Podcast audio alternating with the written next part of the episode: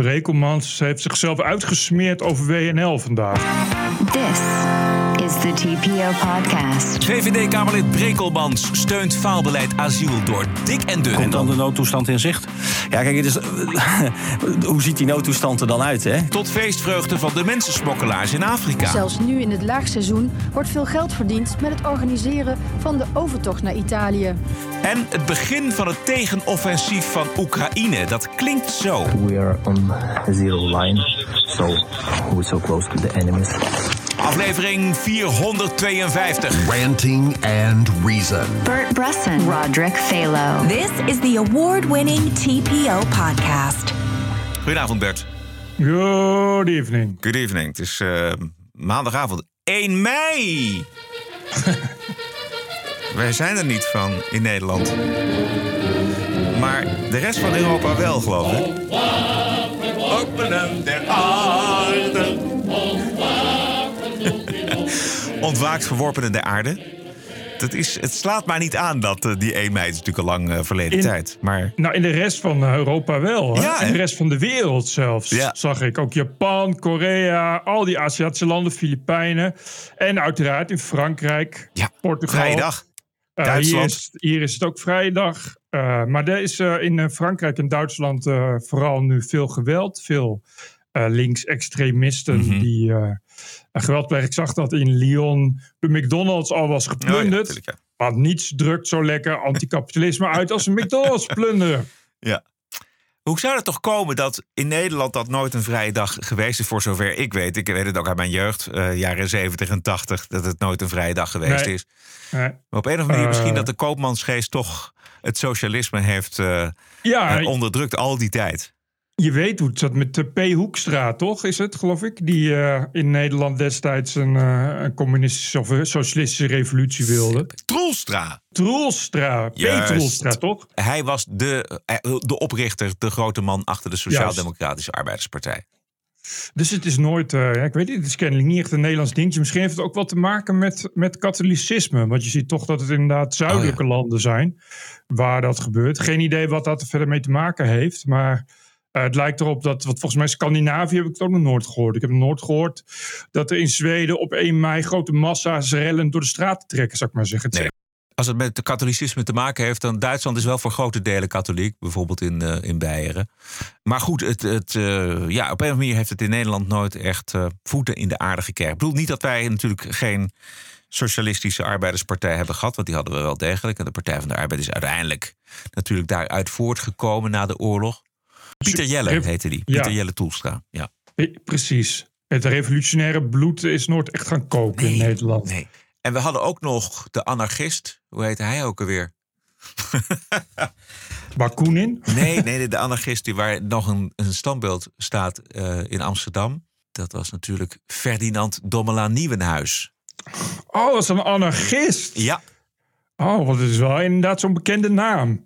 Waar dan, eh, waar dan eh, gebouwen en straten en zo en metrostations zijn na zijn vernoemd. hij was misschien nog wel iets revolutionairder dan Pieter Jelle Troelstra. Nou, dat mag wel als je anarchist bent, ja. Ja, ja, precies, ja. Nou goed, eh, dus geen 1 mei-viering. En Nederland is gewoon weer aan het werk. Wij hebben een Koningsdag, dat is het misschien. Ja, precies. Op het gevaar af dat wij eindeloos in herhaling vervallen, moeten we toch bespreken. Ja, ja. De asielprognoses, inderdaad. Staatssecretaris Erik van den Burg vrijdag heeft ze naar de Tweede Kamer gestuurd. Meer asielzoekers, terwijl de instanties het huidige aantal al niet aankunnen en er veel te weinig huisvesting is. We hebben dit jaar eh 77.000 plekken nodig. Eh, ik rond even af. En eh, dat betekent dat we nog echt eh, heel veel plekken moeten, eh, moeten vinden.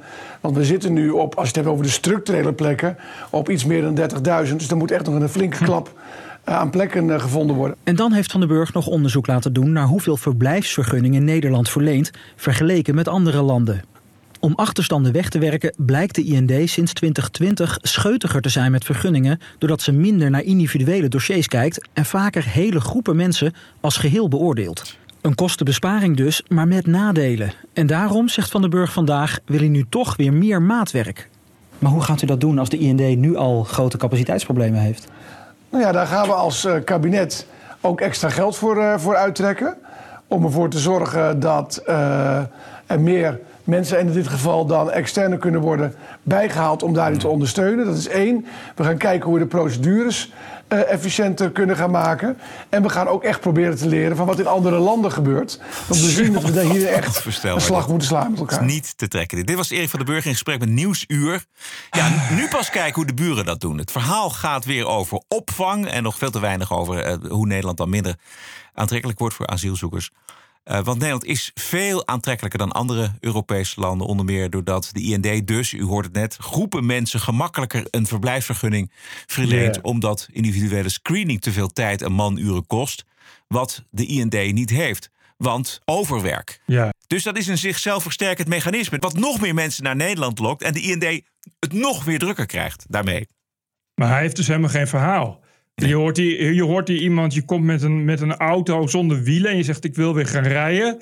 En hier hoor je iemand die zegt nou dan gaan we de carrosserie een beetje oppoetsen. Uh, en we gaan het dak repareren en we gaan ook even kijken bij de buren uh, wat die voor auto's hebben. Weet je wel, dat is allemaal ja. leuk en aardig, maar dat is niet het fundamentele probleem. Het fundamentele probleem is die instroom, waarvan de IND al heeft gezegd, vrijdag toen het naar buiten kwam, die getallen. Want in 2025 al hebben we 100.000 plaatsen nodig, structurele opvangplaatsen, waarvan we er nu dus nog maar 30.000 hebben. Dus er wordt al voorgesorteerd op, op, op nou, hoge aantallen elk jaar die binnenkomen. Die IND heeft toch gezegd uh, dat is drie keer hoger dan, dan, dan, dan nu. En dus de IND heeft letterlijk gezegd: op deze aantallen is de IND niet voor gemaakt. Mm -hmm. Dus het, het, fundamentele probleem is zo fundamenteel dat het uh, in principe dreigt in te storten. Ja. En dan moet je een goed verhaal hebben. En hij zegt dan van ja, nee, we gaan maatwerk. Maatwerk betekent dat de IND nog meer werk krijgt. Dus ze hebben nu al geen tijd. Er is een wettelijke wachttijd die je als asielzoeker, uh, ik geloof iets van een half jaar, uh, die halen ze al niet eens. Dus er komen ook steeds meer rechtszaken. Dus de druk op die IND wordt groter en groter en groter. En ja. dan wil Van den Burg wil dan dat we ook nog eens een keer maatwerk gaan doen. Ja. Ik vind de vergelijking met de auto wel goed. Want het is inderdaad de motor die kapot is. En Erik van den Burg is iemand die roept... we gaan de auto oppoetsen en mooi maken. Ja. Maar daarmee gaat de auto niet rijden. Het probleem wordt niet opgelost. 77.000 nieuwe plekken. De politieke prioriteit die gaat uit naar opvang. Opvang regelen. Dat hoor je ook voortdurend. En nadrukkelijk helemaal niet exact. naar hoe breng ik de instroom omlaag. Welk aantal kan Nederland nog aan? Ja, dat is een hele ingewikkelde vraag die ik ook niet zo kan beantwoorden. Omdat je ook ziet dat als mensen komen, dan kun je twee dingen doen. Opvang bieden. Uh, of zeggen, slaap maar op straat. En volgens mij, even los van het feit dat we het geen mooi beeld vinden als mensen buiten slapen, willen ook heel veel mensen niet dat in hun dorp en steden mensen op straat slapen. Zijn mindset is nog steeds opvang, opvang, opvang. En het is helemaal niet zo'n ingewikkelde vraag. De vraag is namelijk heel simpel. Maar het, jij vindt het van de Burg ingewikkeld omdat je er nog nooit over nagedacht is. Omdat er nog nooit beleid is geweest van de VVD op dit dossier om na te denken over wat is nou genoeg eigenlijk? Wat kunnen ja. we aan in Nederland? Daar hebben ze geen antwoord op. En hij, hij, je hoort, dit is toch wel uh, een beetje een panieksituatie. Want dezelfde vragen werden ook gesteld aan Ruben Brekelmans, ook van de VVD. Uh, die hebben we zo meteen ook nog. Uh, en dan hoor je dat op het moment dat de vraag van wanneer is precies dat crisispunt, dat ze niet willen antwoorden omdat als ze dat antwoorden, weten ze dan. Uh, uh, ja, dat is het torpederen van het draagvlak. Dat maakt het alleen maar erger. Je kan er dus bijna al van uitgaan dat het crisispunt er is. Je hoort van de burger precies hetzelfde. Hij gaat om de vraag heen draaien. Want hij wil niet zeggen: het is crisis. Het is een breekpunt. Ja. Wat, het, wat het is, want dat is natuurlijk het laatste wat ze willen zeggen. Is, is het volk vertellen: ja, het is crisis. Ik geloof wel, maar daar kunnen we het straks ook over hebben, dat er wel degelijk maatregelen zijn om Nederland minder populair te maken bij asielzoekers en asielsmokkelaars. Um, maar de mindset is nog steeds de opvang en een quotum. Wat hebben we nodig? Wat kunnen we bieden aan hulp? En Nederland wil zich die vraag gewoon niet stellen, omdat het zich moreel verheven voelt dat ze alles en iedereen de hele wereld kunnen opvangen. En dat is ja, niet zo. En ze verschuilen zich telkens achter Europese regels. Ja. Wat echt kwalijk is, omdat uh, Oostenrijk doet het, Denemarken doet het, Zweden doet het, Italië doet het nu en hoe. Uh, ze doen het allemaal. Dus die regels zijn er om gebroken te worden. Je kan gewoon met de Europese Commissie praten. Je kan gewoon uh, in Brussel daarvoor gaan lobbyen. En het blijft de hele tijd daarachter verschuilen. Dus de problemen zijn enorm. En inderdaad, dat, heb je, dat hebben we net ook al geconcludeerd. De IND nou heeft het zo zwaar dat ze dus inderdaad makkelijke uh, vergunningen verlenen. Ik begrijp van Ruben Brekelmans dat in Nederland ook mensen veel langere tijdelijke vergunningen krijgen. Uh, en dat er uh, inderdaad veel weinig, heel weinig mensen worden afgewezen. Meer dan 80% wordt niet afgewezen, terwijl het Europees gemiddelde 50% ja. is. Het zijn allemaal dingen die je als Nederland kunt doen, zonder dat je rekening hoeft te houden met Europese regels. En zowel kun je daar in, in Europa over praten, want daar zijn ze. 10 mei is er weer een top. Daar zijn ze, een Europese top over asielmaatregelen, zijn ze gewoon mee bezig. En daar hebben ze oor voor. VVD-woordvoerder asiel Ruben Brekelmans, je zei het al, had vandaag een, een soort van mediatour. Hij is de afgelopen dagen in Zuid-Korea geweest voor een of andere herdenking. Hm. Dus daar werd hij op uitgenodigd. Vanmorgen bij Goedemorgen Nederland en vanmiddag bij Sven Kokkelman op Radio 1. En Kokkelman had hem bijna. Wij krijgen er volgens de prognose uh, tussen de 70 en 77.000 dit jaar. Is dat voor Nederland ook een reden om de noodtoestand uit te roepen? Nog niet. Um, kijk, ik hoor een voorbehoud. Nou ja, kijk, ik heb heel vaak aan de staatssecretaris ook gevraagd... welke ruimte bieden die Europese regels nou in geval van nood? En kunnen wij die als Nederland ook niet eerder gaan toepassen? Ja. Um, en nou, die Europese regels bieden weinig flexibiliteit wat dat betreft. Ja. Te, tegelijkertijd zie je wel dat er andere Europese landen zijn... die wel dat soort maatregelen ja. of dat zo'n noodtoestand afkondigen. Dus wel flexibiliteit. Ja. Um, dus misschien word je daar op den duur, als het echt uit de hand zal lopen, toe gedwongen. Maar wanneer loopt dat uit de hand? Want we hebben uh, veel te weinig opvangplekken. Uh, de gemeenten die nu uh, crisisnoodopvang bieden, die hebben gezegd daar stoppen we in 1 juli mee. maar dan komen er wel 77.000 bedoel, ziet u toch een moment naderen dat Nederland ook de noodtoestand zou moeten uit afkondigen in dit geval? Nou, kijk, als het lukt om wel die internationale afspraken te maken. Als het lukt om die Tunesië-route, om die in ieder geval voor een deel af te knijpen. Mm. Uh, en dat kan via een migratiedeal, kan ook door strengere grensbewaking. Waar de Europese Unie nu uh, eerste uh, afspraken en Frontex-afspraken met Tunesië over maakt. Mm. Als dat bij andere routes ook lukt, de route via Marokko, de route die nog steeds plaatsvindt via Griekenland, dan kan die, die instroom kan wel degelijk op korte termijn omlaag worden gebracht. Ja, maar als dat niet het geval is en we dus inderdaad 77.000 mensen hier over de vloer krijgen?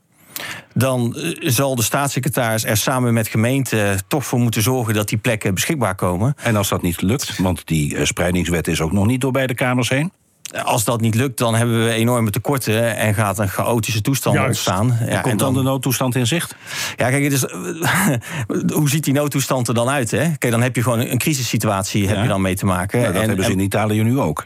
Ja, precies. Alleen kijk, het is niet zo dat die noodtoestand, dat dat er dan nu toe leidt dat de grenzen in Italië volledig gesloten zijn. Nee. Kijk, met die noodtoestand, het was ook vooral een soort van symbolische maatregel richting de Europese Unie om te laten zien, dit is wat er aan de hand is. Mm. No. Het is ook een manier geweest om uh, sneller migranten te kunnen terugsturen en om meer geld vrij te maken voor crisisnoodopvang. Mm. Nou, dat hebben wij in Nederland al. Mm. Um, maar ik vind wel dat ja, als het compleet uit de hand loopt, ja, dan zul je ook moeten kijken naar welke ruimte bieden Europese regels. Bijvoorbeeld om uh, in Nederland om de grenzen nog strenger te bewaken. Uh, dus alleen in Nederland. Grenzen dicht. Nou ja, grenzen, dat kan praktisch in Nederland bijna niet. Kijk, als je zei het Schengen-verdrag opzegt of even tijdelijk buiten werking stelt, daar heeft de minister-president wel eens uh, op gehind in een kerstinterview in de Telegraaf, meen ik, één of twee jaar geleden. Ja, nee, het, is, het zou een hele extreme maatregel zijn. En volgens mij. U sluit dat niet uit, dus, als dat dat nodig zal zijn. Nee, je, kunt, je kunt dat nooit uitsluiten, want je weet niet inderdaad hoeveel mensen hier naartoe komen en of we dat met elkaar weten te regelen. Maar ik zie dat het kabinet er volop aan werkt, zowel internationaal als ook door afspraken te maken in Nederland, om dat soort situaties te voorkomen. Dus ik ga er niet vanuit dat het nodig is. Nee. Maar goed, ik kan natuurlijk ook niks uitsluiten. Maar u sluit dat niet uit. En dat geldt ook de noodtoestand. Dus op het moment dat, dat het ons echt over de schoenen gaat lopen sluit u dat ook niet uit. Ja, alleen dan vraag ik aan u, wat, wat, wat houdt die noodtoestand in? Nou, geen idee, u bent hier de politicus. Juist, lekker doorgevraagd, eh, Sven Kokkelman. Maar deze ja, Brekelmans is een volstrekt ongevaarlijk Kamerlid... voor zijn eigen VVD-staatssecretaris en voor de VVD-premier. Dit soort stoere taal slaat hij al... Nou, Juist. hij slaat al jaren dat uit... zolang hij het sokje heeft overgenomen van Bente Bekker. Ja, en toen uh, kwam uh, uh, een nieuw kabinet en toen kwam D66 en ChristenUnie met allerlei extra ruime asieleisen. En daar ging Rutte mee akkoord. En toen was Ruben Brekelmans samen hand in hand met staatssecretaris Van de Burg op het VVD-congres om dat allemaal maar eens netjes uit te leggen en te accepteren. Yes. Kokkelman had eigenlijk nog moeten vragen: waarom bent u als controlerende volksvertegenwoordiger zo mild voor het kabinet? Ja, nou precies. Had, houdt u zich in? Nee, dan zegt hij nee, ik hou me helemaal niet in. En ik heb dit en dit en dit en dit gedaan. Maar natuurlijk, weet je, dat is ook, maar je hoort hier ook weer. Dat de afspraak is heel duidelijk. We gaan vooral niet zeggen dat het crisis is. Wat we ook doen, als we het maar geen crisis noemen. Want het beeld is zoals gebruikelijk het allerbelangrijkste in Nederland. Want anders heb je kabinet waar uh, dat in crisis zit, dat ook nog eens een keer met een asielcrisis moet werken. En de asielcrisis gaat niet op worden opgelost. En dat hoor je ook. Je hoort, vraagt tot drie keer toe. Ja, wanneer is dat breekpunt bereikt? Wanneer is, is het precies zover dat je de noodtoestand moet aankondigen? Wanneer is, is, is die grens bereikt? En dat, dat wil Brekelmans, en je hoorde het net ook bij Van den Burg, willen ze dat niet zeggen. Wat natuurlijk opvallend is, als je dat niet wil zeggen. Want dat betekent dat je dat altijd weer kunt oprekken. Als er straks een miljoen uh, asielzoekers in een jaar binnenkomen, zeg je ja, maar goed, wat is, wat is een noodtoestand? Wanneer is de grens bereikt? Wat is een crisis? Ja. Nou, vorig jaar, bij alle problemen toen, uh, de vorig jaar zomer dus, heb ik een van hen, volgens mij was het Brekerman zelf, horen zeggen de term maatschappelijk ontwrichtend aantal asielzoekers. Dat was het natuurlijk ook. Dat was het. Ja, het, is maatschappelijk ontwrichtend. Zeker. En dat gaat het worden. Het was vorig jaar al crisis en maatschappelijk ontwrichtend. Vorig jaar moesten de mensen al buiten slapen. En ging er een baby dood en kwam uh, Artsen zonder Grenzen, wat toevallig geleid wordt, die iemand van GroenLinks kwam een mediamomentje halen. Dus uh, maatschappelijk ontwrichtend wordt het niet. In Ter Apel uh, staat het aanmeldcentrum uh, en in Ter Apel, er wordt nergens zoveel gestolen in winkels als in Ter Apel. Dus hoezo niet maatschappelijk ontwrichtend? Tuurlijk is het maatschappelijk ontwrichtend. Precies. Maar wil ik erbij zeggen, is dat ik begrijp dat Duitsland en de Duitse regering uh, is een stoplichtkabinet van, uh, van Groenen en SPD'ers en Oranje. Dat is volgens mij liberalen. Hoe dan ook, in elk geval heel veel links. En die heel veel links zijn nu ineens akkoord met maatregelen die toen meneer Seehofer van het CSU het in 2016 zei, werd hij uitgemaakt voor racist en fascist en dat soort dingen. Ja. Dus het lijkt erop dat ook Duitsland overstag gaat. En als ook Duitsland overstag gaat, kun je er toch wel van op aan dat de rest van de EU er ook wel een beetje klaar mee is. daartoe behoort ook Zweden. Zweden uh, is nu aan het onderzoeken of zij de Deense variant op het asielzoekersbeleid in uh, Europa kunnen gaan invoeren. Dat betekent dus ook fors minder aantal asielzoekers. En ook wij kunnen in Nederland, al was het maar om Nederland minder aantrekkelijk te maken voor asielzoekers. En dat kan, want zoals jij al zei, er krijgen hier procentueel veel meer asielzoekers een status dan in, in andere lidstaten, zoals, zoals in Duitsland bijvoorbeeld. Rechtelijke uitspraken worden strikt uitgelegd in Nederland. Bijvoorbeeld in Nederland moet het Rijk bewijzen dat een asielzoeker een onjuist verhaal vertelt, terwijl in andere Europese landen de asielzoeker moet bewijzen dat hij een juist verhaal vertelt. Bovendien uh, zegt Van den Burg zelf dat hij zijn licht eens in het buitenland moet gaan opsteken omdat asielzoekers daar niet blijven, maar gewoon doorreizen naar Nederland. Omdat het hier een stuk gemakkelijker is. En verder moet Nederland zich hard maken voor een forse uitbreiding van Frontex, Europese buitengrensbewaking. En maakt Nederland gewoon minder aantrekkelijk voor veilige landers. Door ze op te pakken en in een vliegtuig te zetten en terug te sturen naar Marokko, Algerije of Tunesië, waar ze ook vandaan komen. Daar, maar daar lijkt dus nu op Europees niveau toch wel echt echt iets uh, aan te gaan gebeuren. Uh, ik begrijp echt dat in Duitsland ook die prioriteit er nu is. Uh, ook dus inderdaad mensen uit veilige landen die worden afgekeurd. Zo snel mogelijk weer weg. Zweden zei je net al, ik heb het toevallig gisteren over geschreven. In Zweden zijn ze nu superdetentiecentra aan het bouwen. Omdat ze dus zo snel mogelijk van de afgewezen asielzoekers af willen. En het is echt in Zweden als je uit een veilig land komt, moet je vooral niet naar Zweden gaan. Want als je wordt afgewezen, kom je dus gewoon in een gevangenis waar ze je mogen fouilleren. Uh, je krijgt nog net geen water en brood. Het zijn allemaal extra beveiligde inrichtingen. Ze zijn nu uh, nieuwe detentiecentra aan het bouwen in, in het noorden van Zweden, waar maar 12% van de inwoners woont. Dus je komt ook op een plek terecht waar het eigenlijk nog erger is dan bij je thuis. Ja. En, dat, en dat zie je. Uh, de Duitsers willen dat nu ook. Die willen toch echt werk maken met het liefst binnen twee weken iedereen weer uitzetten. Ik zag dat de Duitse politiewoordvoerders ook zeiden: allemaal leuk en aardig, maar is maar een heel klein gedeelte is natuurlijk van uh, is natuurlijk van veilige landen. Dus de meerderheid zijn Syriërs en Afghanen. Die komen niet uit een veilig land. Dus daar lossen de problemen niet meer op. Dus, dus het is nu Uh, heel kort kunnen ze iets doen. En dat is ook wat Brekelmans wil. Dat zei hij ook aan het eind van het gesprek met Sven Kokkelmans. Sven Kokkelman probeerde hem te ontlokken voor de zomer nog. En dat nou, eigenlijk zei Brekelmans dat hij inderdaad voor de zomer nog maatregelen. Hij zei het niet hardop, maar je hoorde het hem wel eigenlijk zeggen. Voor de zomer nog wil hij nieuwe korte termijn maatregelen. Alleen die lange termijn maatregelen worden dus problematisch. Ja, ik waardeer je optimisme, maar ik ben daar toch eh, pessimistisch over. Want wat ik zie is dat Europese lidstaten zelf dingen gaan regelen. Dus niet Europees. Dus wat er in Zweden gebeurt, komt omdat er in Zweden uh, die Zweden democraten in de regering zitten. En wij zitten in Nederland met een verschrikkelijk kabinet. Wat Juist. alleen maar bezig is met het idee dat we de hele wereld kunnen opvangen. En zodra dus al die andere Europese landen het moeilijker maken voor asielzoekers wat gebeurt er dan? Dan komen die asielzoekers allemaal naar Nederland en die gaan daar hun hand op houden en vragen om asiel en ze krijgen het. Ja, nergens hebben ze zoveel beroepsmogelijkheden als in Nederland. We hebben natuurlijk vorige week die uitspraak, was het Raad van State uh, gehad. Die zeiden, je mag nu niet asielzoekers terugsturen naar Italië, want dan is het een mensenrechten schending. Dus je hele Dublin-akkoord telt dan ineens niet meer mee. Terwijl, ja, weet je, vertel dat de Italianen zou ik zeggen, maar die hebben er kennelijk gewoon scheid aan. Dus, eh, dus, dus het is echt iets wat.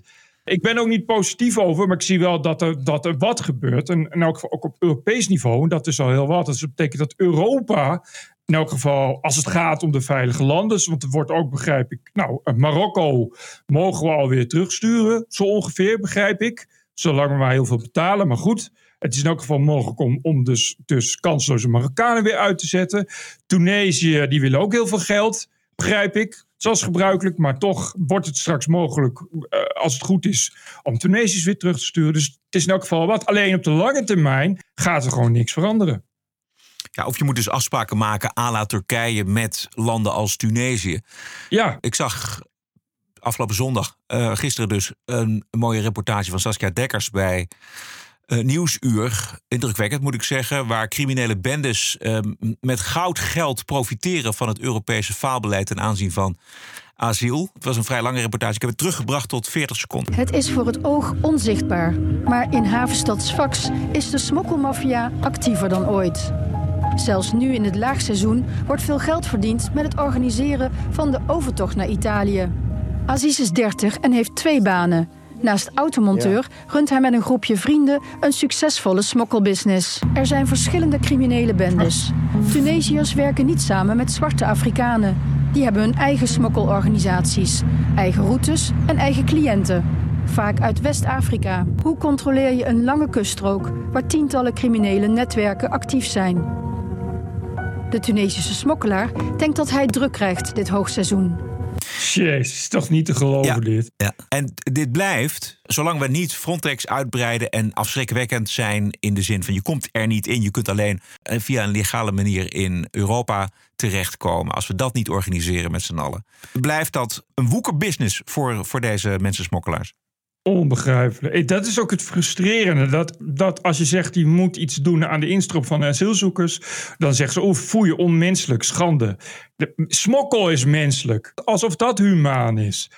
Alsof het humaan is om, om die lui te laten verdrinken op de Middellandse Zee. Alsof het humaan is om die lui te laten stikken in vrachtwagens.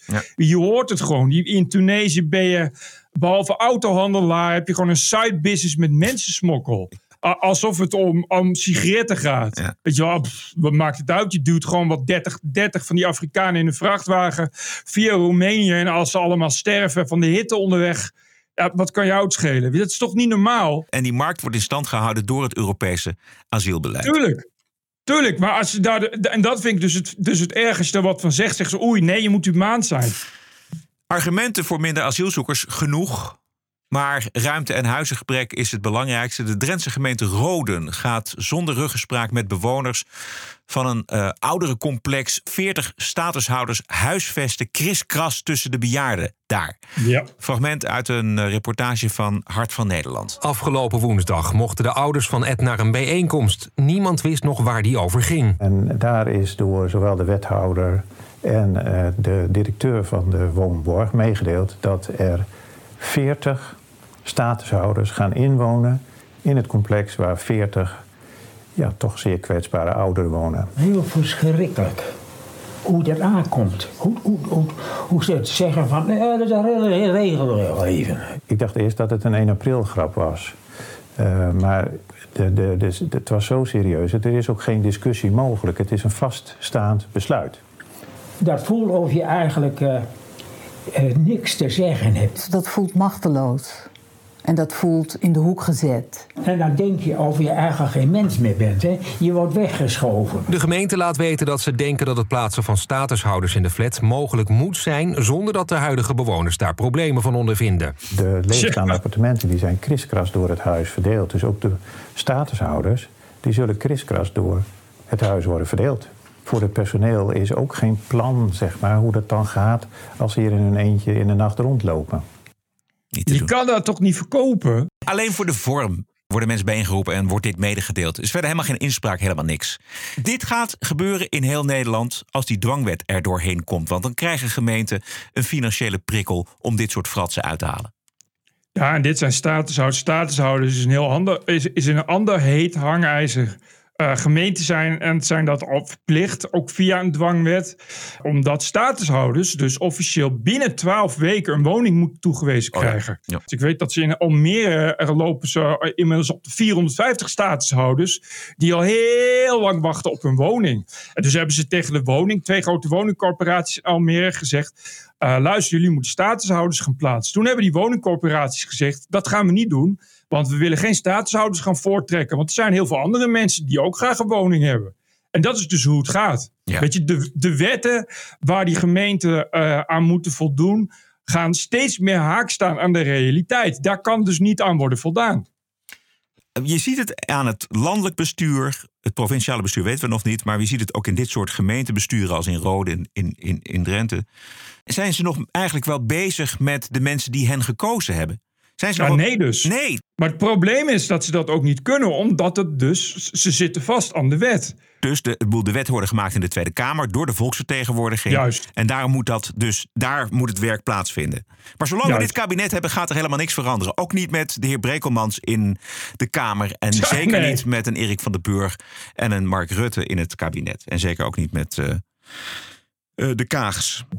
Brekelmans is gewoon een, een, een ja, een, een migratiequote uh, pop. Je gooit er een muntje in en dan gaat hij ratelen precies wat je wil horen van een stevige hoek van de VVD. Maar die is verder volkomen krachteloos. Het zijn allemaal, allemaal leuke quotes, dus iedereen wil hem graag uitnodigen. Zeker bij WNL, waar ze toch al zo pro-VVD zijn. Altijd leuk om Brekelmans daar neer te zetten, zodat de mensen denken: zo, zie je wel. Terwijl ja, Brekelmans heeft 0,0,0 slagkracht. Hij zegt alleen maar: ik hoop dat, puntje, puntje, puntje. En dat moet, je, daar moet je hem eigenlijk meteen tackelen. Van hopen. U bent wettenmaker. U bent een volksvertegenwoordiger. We zien hoe rampzalig impopulair dit kabinet is. Mede doordat dit kabinet niks voor elkaar krijgt. Mede op het terrein van asiel. U moet aan de slag. U moet uw handen uit uw mouwen doen. En u moet werk maken van uw controlerende functie als volksvertegenwoordiger. En de staatssecretaris het vuur aan de schenen leggen. Ja, hij zegt telkens: Mijn geduld is op. Dat zei hij vandaag weer. Mijn geduld is nu wel op. Maar dat zegt hij al jaren. En je kan wel blijven roepen dat je geduld op is. Als je geen enkel middel hebt om, om dat te verzilveren, kun je misschien beter ophouden met dat te roepen. Ja. Of, of wees een vent en stap op bij de VVD. Weet je, het zegt dan inderdaad, ik, ik, leg dit, ik leg deze portefeuille neer. Of ik heb geen vertrouwen meer in. Uh, ga door als onafhankelijk Kamerlid. Sluit je aan bij Pieter Omtzigt. Ga naar BBB, you name it, naar jaar 21. Maar hou op met dit, soort, met dit soort onzin de hele tijd te verkondigen. Omdat iedereen inmiddels zo weet dat er verder alleen maar bla bla bla is. Wat eigenlijk uiteindelijk alleen maar schade doet aan de, zowel de VVD als aan het kabinetsbeleid. Ja. Voor iedereen die nog geen lid is van de Vrijdagclub. In de TPO-podcast op vrijdag, de Wokweek. Ook in de wiskunde valt nog genoeg te decoloniseren. Het absurdisme. You're an adult, grow up, deal with it. De terreur. Everything woke turns to shit. En het verzet ertegen. This cancel culture is gonna end, end, end. De Wokweek in de TPO-podcast op vrijdag. Ja, daar kom je heel eenvoudig. Daar ga je gewoon naar tpopodcast.nl. Kom je op onze website, onze pagina van de Petje Af. En daar kun je voor maar 4 euro per maand kun je gewoon lid worden. En uh, dan kun je uh, sowieso het gebruik maken van het hele archief van de TPO Podcast. Inclusief dus uh, de vrijdag-edities. Daar hoor je er gewoon bij. Geen geld ook. Geen geld. Hè? 4 euro per maand. Geen geld. Ik zou het meteen doen. Ja. Mooi verhaal in de Wall Street Journal over de privékalender van de dode zedendelinquent eh, Jeffrey Epstein.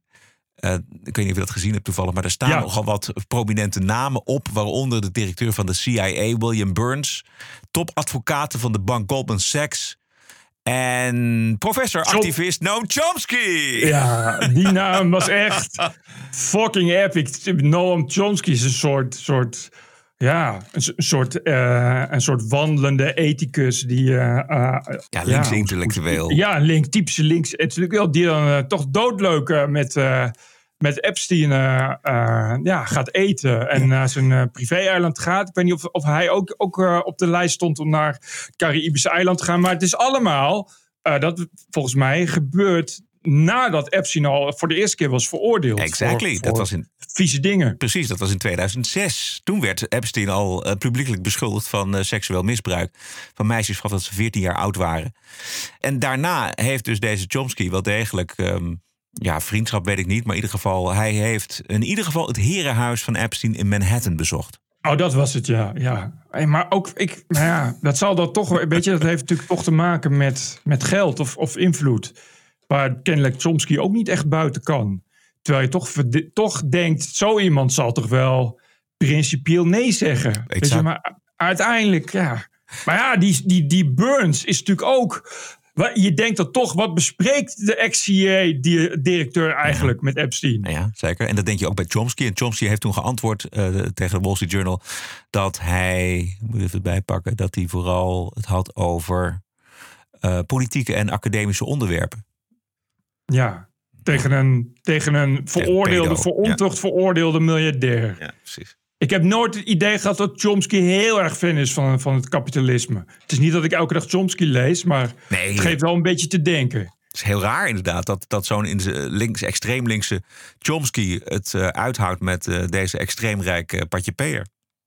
Maar ja, zo, ik, ik, die Burns lijkt mij dat, dat iemand als Burns eh, ja, op, een, een- op een hele enge manier heel invloedrijk is. Lijkt mij Zeker. als je CIA-directeur bent geweest, Ja. dat je dan eh, eigenlijk wel eh, alle juiste mensen op de juiste plekken kent, zou ik maar zeggen. Ja. Dan denk je toch, wat moet hij bij Epstein? Wat, wat, wat, wat, dat zal toch niet over koetjes en kalfjes gaan? Nee. Nee. Ze zullen niet een gezamenlijke hobby hebben, mag ik, mag ik hopen. En deze is toch- Burns ja. ken ook alle trucjes die een echte hoofd van de geheime dienst eh, toch ook weet. Ik refereer eventjes aan de mysterieuze verdwijning van de heer Epstein in de gevangenis. Ja, de zogenaamde zelfmoord. Ja. Het geeft gewoon te denken. Het zijn inderdaad echt namen. Want, want die, die advocaat van, eh, van Goldman Sachs Ja. was, ook, was ook adviseur van, eh, van de president, volgens mij. Ja, van ehm, Barack Obama. Dus ja. En zij heeft wel ze heeft aan een tientallen ontmoetingen gehad met Epstein. En heeft ook zijn privé-eiland Ah, dat bezocht. zei- ja. ja. Maar goed, kijk, die, die, die werd dan advocaat van, van Goldman Sachs. Dus dan, dan begrijp je nog wat de connectie is Ja, met ja. zo'n miljardair. Weet je wel, die, ik kan me goed voorstellen dat je, als je maar hoog genoeg in, in Goldman Sachs zit, je eigenlijk op een gegeven moment niet om Epstein heen kan. Maar die andere is, is toch, ja, raar. Ja, Gewoon raar. raar. Ja, en Waarom vrij- doen die mensen dat? Precies. En ook vrijwillig, weet je wel. Zo'n Noam Chomsky. Ja. Dat, is toch, dat doe je toch uit pure vrijwilligheid. Je kunt die man ook ontlopen. Je hebt, hij heeft dat geld niet nodig. Hij heeft, eh, wat heeft hij überhaupt nodig van Epstein? Geen idee. En datzelfde geldt voor William Burns ook. Ik snap dat een Epstein van alles te bieden heeft. Misschien zelfs voor Chomsky. Zelfs als het alleen maar gegaan is over, over onderwijs en filosofie en weet ik veel wat. Epstein was natuurlijk een, een man waar, waarvoor alle, waar alle deuren open kunnen. Maar je weet toch dat hij veroordeeld is. Dan weet je toch, als ik daar nu ga zitten, dan komt dat vroeg of laat iemand te weten die vraagt: wat doe jij bij een voor pedofilie veroordeelde eh, ja, sleazy miljonair? Bedoel, die, ja. Die vrouw van hem was toen ook al niet helemaal lekker. Dat wist iedereen. Ja. Het is geen lekkere wereld ook sowieso natuurlijk. Maar dat was zo'n gast. in- Het is, het is, dat is dan toch, toch vreemd. Ja. Ik begreep wel uit het stuk dat ze niet echt op die zwarte lijst staan. Dus je hebt Nee, dit was echt een, een kalender of een agenda. Waar dan alleen maar in stond dat ze zouden gaan ontmoeten. Want er stond ook bij van we, we kunnen niet geen bewijzen vinden of al die afspraken zijn doorgegaan. Oh ja, precies. Het was inderdaad niet een. Niet een, uh, niet een uh, dit waren niet de gasten van de Lolita Express of zo. Dit was echt puur de agenda van Epstein. Maar ja. ja. ja. Dus wel op een moment waarop je niet met Epstein gezien wil worden. Lijkt mij. Ja. Maar misschien, dat is, weet je, misschien zegt het ook wel iets over de macht die zo iemand heeft. Ja, het maakt dus niet uit dat je veroordeeld bent voor seks met een 14-jarige of weet ik veel waar die voor veroordeeld is. Ja. Je, het, hij is zo machtig dat mensen toch naar hem toe willen. Zelfs ja. Chomsky geeft toch een beetje het idee dat dit soort mensen inderdaad gewoon, als ze willen, volledig boven de wet kunnen staan. Ja. Het maakt hem gewoon niet uit. Hij, hij, alleen de voorstelling al dat ik word veroordeeld voor dat soort dingen is al, lijkt me al, is al een nachtmerrie. Weet je, maar voor, voor Epstein, ja, hij heeft niet minder aan verdiend of zo. Weet je, het ging gewoon business as usual. Ja, ja precies. Ja. Die lui halen gewoon hun schouders daarvoor op. En dat geeft toch het idee dat, ja, als je maar rijk genoeg bent, dan, dan is het allemaal, allemaal prima. Daar, en daar komt dan een, misschien ook wel uit voort wat er allemaal is gebeurd. Weet je, de gedachte dat je eigenlijk onaantastbaar bent. Kijk, maar zelfs Chomsky ja, komt bij je op bezoek. Nou, dan heb je het wel gemaakt, lijkt me. Kun je overal Ja. terecht. Dan mag je gratis op eh, met een selfie met Obama. Ja. Zou het nu lastig zijn voor Chomsky? Zou zijn reputatie toch een deukje gekregen hebben? Nou ja, ja Bij de, ik bij de, bij de linksintellectuelen? Ik, kijk, ik weet niet. ik- Nou ja, eh, natuurlijk is- zijn er dan mensen die zeggen van... Goh, weet je, maar Chomsky is natuurlijk groter dan, dan alleen dat afspraakje met, met, met Epstein. Dus ik denk niet dat hij daar dan... eh, de kracht van zijn argument wordt er natuurlijk niet minder om. Maar dat is natuurlijk... de- en de- ik denk dat juist Chomsky er veel minder last van heeft dan, dan Burns. Ja, Zo, die moet zich verantwoorden, zeker. Terwijl bij Chomsky zeggen, ja, rare, rare scheve schaats. Maar ja, je- de, de dingen die je schrijft zijn niet anders, weet je wel. Ja. ja, opvallend stuk. Ik hoop dat er nog een vervolg eh, komt, want we weten nog veel niet uit die eh, Nou, precies. ellende daar. Wordt wel een keer tijd dat het een keer eh, naar boven komt, hoe, het, hoe het werkelijk zit. Ja. This is the TPO podcast. Twee grote gebeurtenissen waaruit geconcludeerd zou kunnen worden dat Rusland te maken krijgt met aanslagen op eh, oorlogsmaterieel. Zaterdag stond er een grote brandstofdepot op de Krim in brand. Dat was echt een enorme fik was dat. En vandaag is op 60 kilometer van de grens met Oekraïne een goederentrein ontspoord na een explosie. En gedacht wordt aan sabotage. En ik las, maar ik heb daar nog helemaal verder geen duidelijke aanwijzingen voor gelezen. Misschien jij, Bert, dat, dat, er, dat vandaag dat tegenoffensief is begonnen. Zoiets las ik ook. Maar volgens mij is het, is het vage geruchten. Maar het, kennis en commentatoren hebben het idee dat dat gaande is in elk geval. Ja. Dat... Wat goed zou kunnen, het is 1 mei. Dus Ja, ja, ja.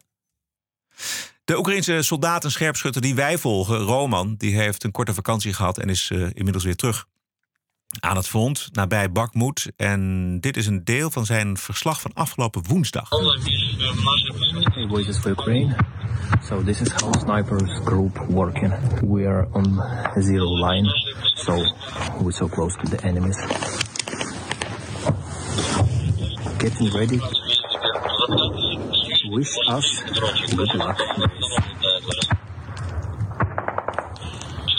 Ja.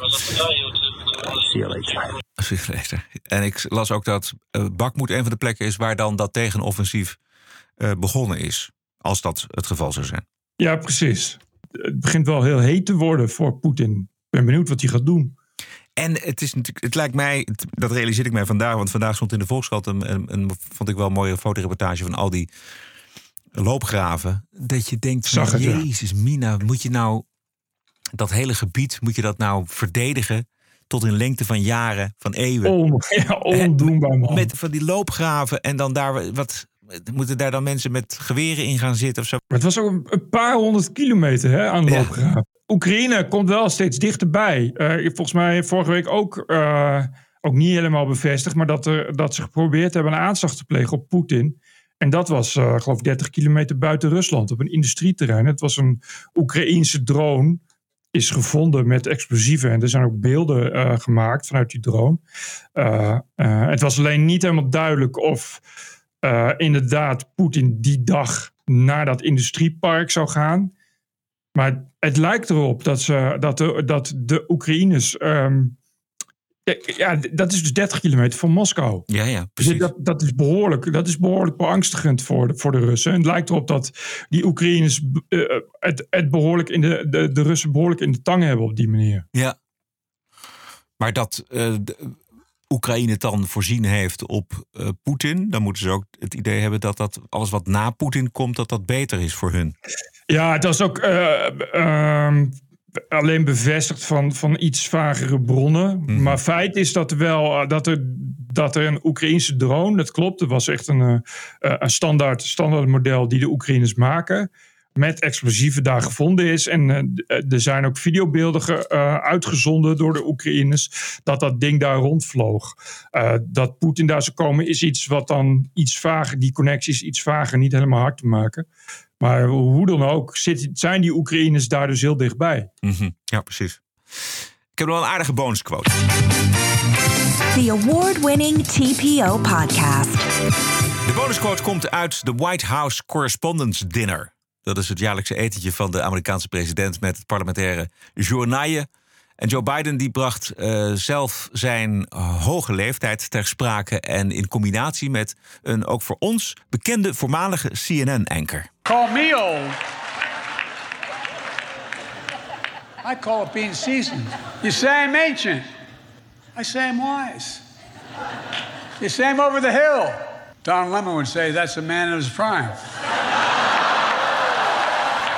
A man in his prime. Ja, ik, ik, ik begrijp hem. Of iedereen hem begrijpt, weet ik niet. Maar het is ook wel grappig dat Biden grappen maakt over Don Lemon. Dat zal Don Lemon leuk vinden. Ja, precies, ja.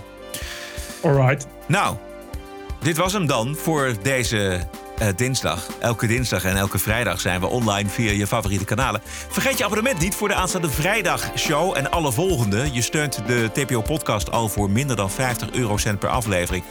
4 euro per maand, ongelooflijk bedrag. Je krijgt daarvoor twee keer per week de podcast. En met in de vrijdagshow natuurlijk de one and only Woke Week. Hoor je die ook weer eens? Ga naar tpopodcast.nl. Veel dank. Stay cool. En tot vrijdag! TPO Podcast. Bert Bruson, Roderick Balo, Ranting and Reason. Beste podcastluisteraars, tot vrijdag. Podcasting is the TPO podcast in the Netherlands. Bert and Roderick. What a show. I'm telling you. Keep the show running. Go to tpo.nl slash podcast. Thank you.